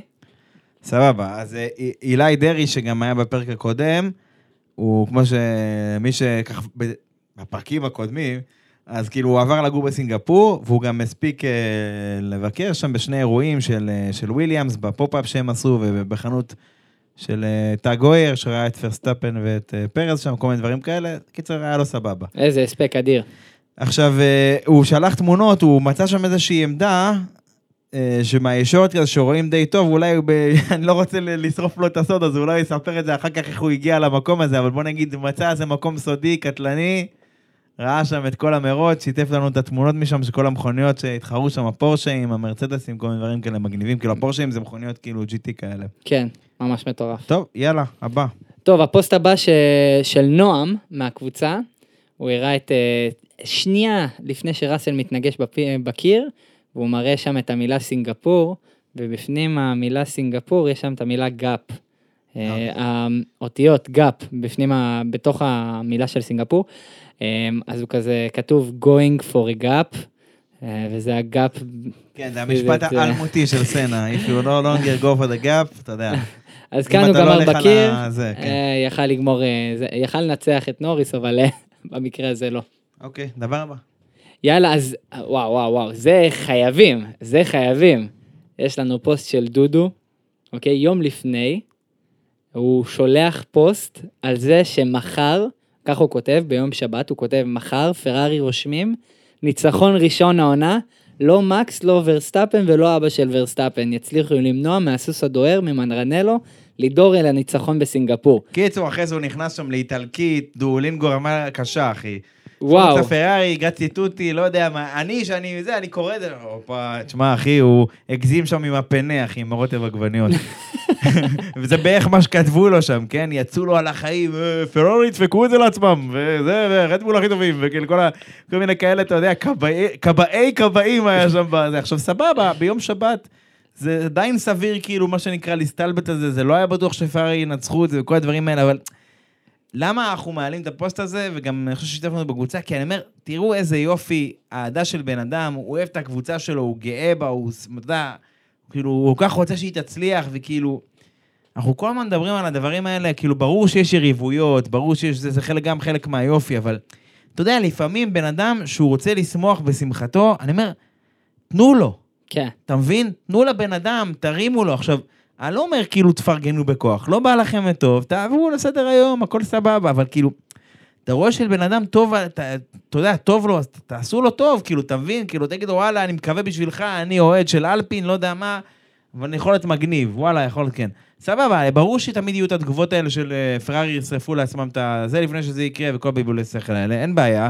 אתה יודע, אנשים שחושבים שהם מצחיקים. מוזמנים אה, לגשדר ביום שני. לא מצחיק, כן. תעברו ליום שני, תגשדרו, אני באמת, זה כבר, אני, הבדיחות האלה, אני כבר 20 שנה קורא אותן, כאילו, וכבר 20 שנה לא מצחיקות אותי. כאילו, אתה יודע, בדיחה כבר שגדל הזקן, בקיצור. אני לא אומר שזה רע, פשוט, אמרנו, אם מישהו בא, מישהו כמוהו בא, הוא כל כך אוהב את הקבוצה שלו, וואלה, אחי, תרימו לו. בדיוק כמו שאנשים אחרים אומרים, נגיד, על רדבול, שהם כל כך מתלהבים, שהם מנצחים עכשיו, הם כאלה דומיננטים, הם כאלה זה, ווואלה, מגיע להם כל הכבוד, אחי, כי המכונית שהם בנו, זה מפלצת. כן. מפלצת, אחי, שטובה בכל תנאי מזג אוויר, חוץ מסינגפור. אבל בגדול, אחי, מסלולים של גרר נמוך, הצמדה גבוהה, הצמדה בינונית, בלי גלגלים, עם גלגלים. מכונית מפלצת הם בנו, אוקיי? ומגיע להם, ויש להם נהג עוד יותר מפלצת. כן, אני מגיע מסכים. להם כל הכבוד, וכאילו, אני אומר, שצריך לפרגן, אנחנו מפרגנים. יאללה. מכאן בוא ניקח אה, לפוסט האחרון של אה, אהוד קצף. אז אה, אני, הוא שלח תמונה של בעצם הפוטו פיניש של הארבעה רכבים האחרונים, בעצם הארבעה רכבים הראשונים בסדר של סיינס מקל, אה, מקלרן של לנדו נוריס וראסל, וסליחה, ראסל והמילטון, שהם עוברים לקראת ההקפה האחרונה, והוא כותב אחד מהפוטו פינישים הכי גדולים שאני זוכר בימי המעקב שלי אחרי הסבב. אני לגמרי מסכים איתו, חבל שזה הקפה אחת לפני האחרונה, ואז ראסל נכנס בקיר, אז אה, אה, אהוד, היית צריך לעדכן את התמונה, אבל זה בלי קשר. יאללה, מכאן טוב. בוא נלך לפינה הידועה שלנו. הטוב, הרע והמכוער, בגדול. יאללה. יאללה, מה היה הטוב שלך? טוב, נתחיל בטוב שלי, זה היה ליאם לוזון. אה, איזה- וואלה, כן. טוב שדיברת עליו, טוב. חד משמעית, היו- מגיע היו. שוברים אותנו בתגובות, לא דיברתם על ליאם לוסון. לא. דיברנו, הנה. דיברנו פעם שנייה כבר, אה, טוב בסדר, צונודה פעמיים סיים בפרישה, גם במונזה, גם בסינגפור, אבל פעמיים הוא מנצח את היריב שלו, מגיע לו קרדיט, נהג במילואים, שבא, rookie, נותן עבודה מהלב, וגם סיים בניקוד, שזה עוד יותר הדיח את מטורף. ורסטאפן, עקף את ורסטאפן, סיים בניקוד, מה לא עשה? שמע, דרך בחור, טאנוס, טאנוס, אחי. טאנוס. אוקיי, סבבה, מה היה רע? אוקיי, הרע מבחינתי, אה, ודיברנו על זה, זה אסטון מרטין. וואו, זה, זה גובל במכוער בשבילי, אבל כן, אוקיי, אני לגמרי רע. לגמרי רע, לגמרי רע. אה, לא, רגע, לי יש רע אחר. אה, וואלה. כן. אז בואו נתח... ניכנס למה הרע, מבחינתי אסטון מרטין, דיברנו על זה כבר, הצבענו על זה בפרק סיכום חצי העונה, שסינגפור זה המרוץ שלהם, כמו מונקו, סינגפור זה היה המרוץ שאסטון היו צריכים לקחת את זה. לא יודע, הם יכלו לשים את זה ב roadmap, לשים את כל הפיתוחים סביב סינגפור, לעשות את זה כמרוץ. יכול להיות שהם עשו את זה, אתה לא יודע. אין, אבל מצד שני, אולי הייתי צריך להגיד את זה בטוב, יש לך קבוצה כמו מקלרן, שהביאה עדכון ענק רק לנוריס, וביפן גם פיאסטרי יקבל אותו, ואני חושב שהם הולכים להיות כוח מפחיד שם. אבל עזוב, בוא לפני היפן, אני רוצה לדבר על הרע שלי ברשותך. יאללה. יש משהו שלא אהבתי הסופש, וזה אה, במובן של הדירוג. ורסטאפן עשה אה, שלוש עבירות, כאילו, ש... אה, לא משנה, בגדול חסימות, אה, גם במסלול, גם ב pit lane, לא חשוב. כן. ובחרו שלא להעניש, בחרו לתת לו, אני קורא לזה הערה בתיק האישי. עכשיו, כולנו היינו בבית ספר יסודי ואנחנו יודעים מה זה שווה. לא אוהב את זה. עכשיו, למה לא אהבתי את זה? יבוא, באו כל מיני מומחים בדיעבד כאלה, אתה מכיר את זה? אמרו כאילו, בהקשר של יוקי צונודה, האם הוא חסם או לא חסם. קודם כל, הוא חסם את צונודה. ראיתי את זה, תבדקו את האונבורד, צונודה, הוא היה על קו המרוץ של צונודה. אה, אותם, אה, אותם אה, חבר'ה שחכמים בדיעבד אמרו כזה, תראה, אבל הנציגים של אלפה טאורי לא הגיעו לאכיפה, אז אה, לא הגיעו לזה מול השופטים, אז, אז זה לא נחשב, אז זה לא, אז זה לא, אז בגלל זה החליטו שזה. אוקיי, ברור שמבחינה פוליטית אלפה טאורי לא יבואו ויצאו נגד אה, בעל הבית בקטע הזה, אז ברור שבגלל זה הם לא הופיעו, לא טרחו להופיע לשימוע. זה סבבה, אבל הביקורת שאנחנו רוצים להשמיע כאן היא אחרת, מה שאנחנו אומרים פה כבר שנתיים. חבר'ה, חוסר עקביות משווע באכיפה. הם כתבו בנימוק, בנימוק של העניין של חסימה של צונודה, שבהתאם בקונסיסטנטיות בעניין עקבי של מקרים קודמים, אז העונש תואם. די, נו. רק העונה לקלר במונאקו חסם אה, מישהו ולא באשמתו, בגלל שהצוות שלו לא הודיע לו בדיוק כמו מה שקרה למקס, והוא קיבל שלוש מקומות בדירוג. כן. כאילו, עכשיו, על זה אנחנו מדברים. לא מעניין אותי שזה מקס, שלא ת- עכשיו תהפכו אותנו לאנטי זה ואנטי זיבי, לא יודע מה. מצידי שזה היה אוקון, הוא איכשהו גם היה מקבל את העונש הזה. אבל אני אומר, מצידי שזה היה אוקון, באמת. אנחנו מדברים על עקביות. אם בן אדם חוסם מישהו אחר בזמן דירוג, זה לא משנה אם זה בגלל שהקבוצה לא הודיעה לו, זה לא משנה אם בגלל שהוא לא שם לב, הוא צריך לשלם על זה מחיר. ו- והיו פה, פה שלושה מקרים. שלושה מקרים, ואם הוא יוצא עם הערות זה בדיחה, זה פשוט לעשות צחוק מהעבודה. כן. עכשיו. בסדר, עז- עזוב שנייה שזה היה סופה שגם ככה גרוע לרדבול והם התחילו כאילו מחוץ לטופ 10, סבבה, אבל זה, זה לא צריך להיות חלק מהשיקול דעת. וכן, צריך להיות שיקול דעת בשיפוט, וכן צריך להיות זה, אבל צריך להיות גם משהו עקבי. כן. אם במרוץ אחד מישהו, אתה יודע, שהוא חוסם, כי גם פה הטענה הייתה שהקבוצה לא הודיעה לו, והוא זז, הוא פשוט זז מאוחר. מה זה משנה? הוא חסם. נכון. אז כאילו, התוצאה האחרונה, התוצאה היא שצונודה לא יכולה לצאת להקפה מהירה ב-Q2 בעניין הזה. אתה מבין? סיבה ותוצאה. קיצור, חוסר עקביות, משווע. המכוער? טוב, שמע, יש לי שניים בראש, אמ, אבל אני אלך על הפחות טריוויאלי. ב-FP1 היה לנו את תצועה, את, אה, נקרא לזה מופע גונזילות הידוע בסינגפור. אוקיי. ראינו את הלטאות אה, על המרוץ. לא, לא, לא. אתה, אתה לא ו- תקרא לזה לטאה. לטאה זה משהו שאני הולך עם האחיין שלי, אחי, ואני קורא לו שקית של דגי זהב ואוגרים ולא יודע מה, וצ'ינצ'ילות ובטיח, זה לטאה, אחי. כן, כן. קניתי לו נחש, אחי, בגודל הזה. זה- לא לטאה, זה גובל בדינוזאור, אחי. זה שום דבר, אחי, מה זה, לטאה... קודם כל, הדבר הזה זה, זה זן של דברים שנקרא לטאות כוח. ובאזור הזה בעולם, באינדונזיה, יש כאלה אה, לטאות באיזשהו אי מסוים, אתה יודע איך קוראים להם? איך? דרקוני קומודו. זה נשמע הגיוני. אוכלים בני אדם, אחי, זה דבר. רק מפלצות, זה בשביל- כאילו... אני טוב, רואה לא אוכלים בני אדם, אבל כאילו, הם חונקים, נכון. מה לטאות, אחי? זה- לטאה זה לא, זה דינוזאור, אחי. סליחה, תמשיך. שיעור- זוחלים קיבלתם פה. נו. אני בא להגיד בקטע הזה של המכוער, למה אין איזשהו משהו מסודר לגבי ה... כאילו, אתם יודעים מראש שהולך להיות מרוץ. אז תתארגנו מלפני לסדר את הגונזילות או איזה רשות הפקחות הטבע לא, והגנים. שימו להם- שימו להם קצת בונזו בצד, משהו, כן. לא יודע, זרוק להם איזה, כאילו, משהו. רק- למה למה הם צריכים להיות המסלול? זה סופר מסוכן. רגע, אבל- וחבל. אבל חבל שלא הקדשנו את הפרק הזה לעילוי נשמת הלטאה הזו שאלונסו דרס. יאללה, סודה. יופי. דפוק זה. שים לה תמונה אחר כך כגיף כזה. כן, זהו, בשחור לבן כזה, הבת של גודזילה 2018 עד 2023, יהי זכרה ברוך. אה, כן. טוב, אה, אה, תשמע, אני אולי המכוער, אני לא יודע אם- אני לא יודע אם אני רוצה לה- להיכנס לזה כל כך, אבל אתה יודע מה, אני אני אסיים אני אסיים בעובדה קטנה לפני ש- לפני שאני אתייחס ליפן ולדברים כאלו. אני חושב שהתאונה של סטרול היא הוכחה ניצחת לזה שהשיפורים של הבטיחות של המכוניות האלה, כמה אנרגיה הן מסוגלות לספוג, כמה זה שהבן אדם עדיין יצא בלי פגע. לפני 20 שנה הבן אדם היה מת מזה, אלף אחוז. יותר אפילו. אה, יותר מ-20. אני מה שרציתי להגיד לך זה דבר אחד שרציתי לדבר על זה בהרחבה בפרק, אבל זה פשוט לא יצא.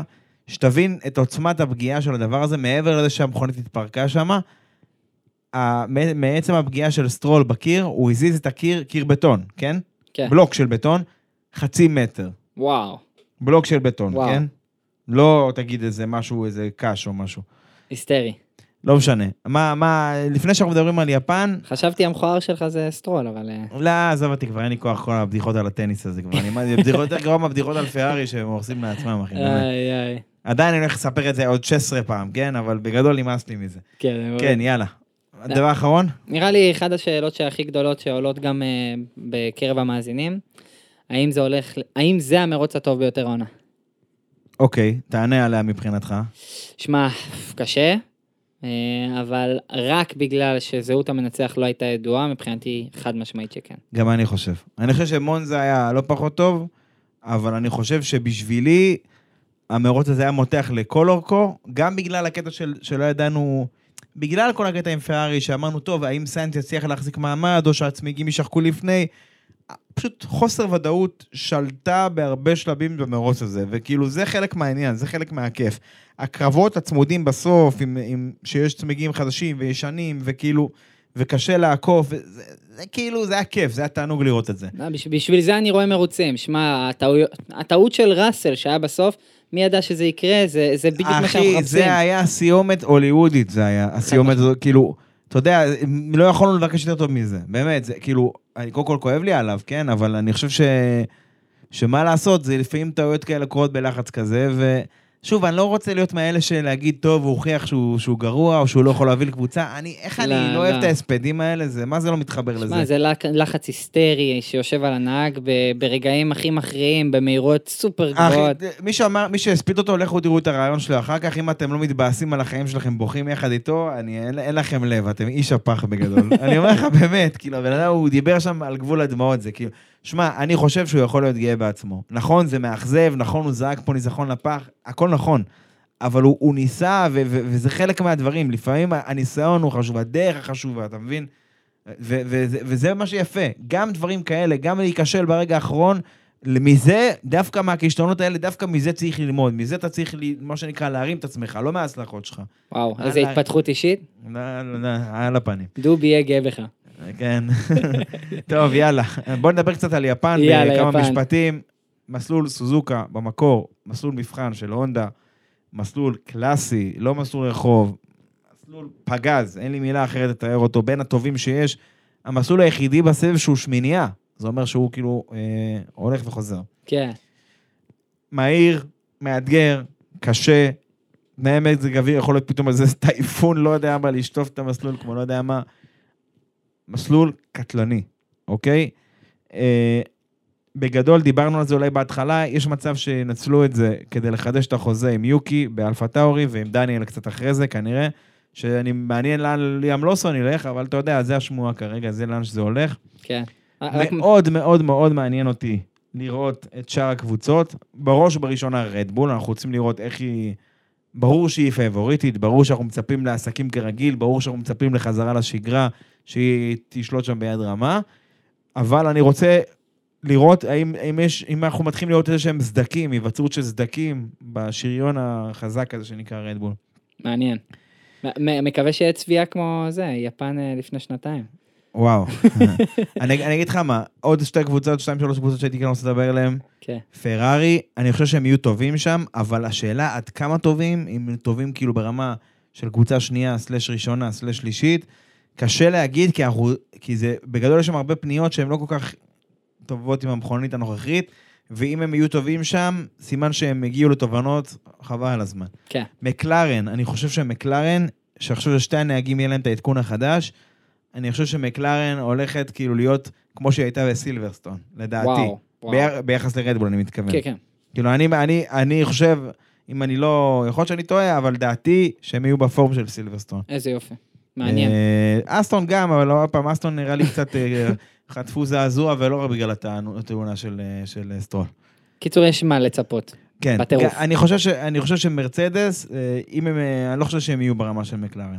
שוב, אלא אם כן הם מתכננים להביא איזשהו משהו, אבל אני, אם הייתי צריך לנחש, הייתי אומר שאנחנו מצפים למשהו סילברסטוני כזה. מעניין. טוב, טוב, אז לפעם אה, הבאה נראה לי. כן, זהו, אתה יודע, ברגיל, אתה יודעים, פייסבוק, אה, ספוטיפיי, גוגל, אפל, באינסטגרם כמובן, ובטיקטוק, מי שעוד לא עוקב, מי שלא. עוקב, זה הזמן, להגיב, לתת תגובה, לייקים, מה שבא לכם, כן. לשמור סרטונים, לשתף עם החברים. זהו, תשמע, פרק ארוך, אני נהניתי מאוד, היה לי כיף. אני מקווה שגם אתם אה, תהנו, וגם אם כן, גם אם לא, אתם יותר מוזמנים לכתוב לנו, גם בתגובות של הפוסט שיעלה, גם בפרטי, איפה שאתם רוצים, איפה שנוח לכם, תכתבו, תגידו לנו, אנחנו תמיד פתוחים לזה. זהו, תודה עמית. תודה רבה, אוריאל. יאללה ביי.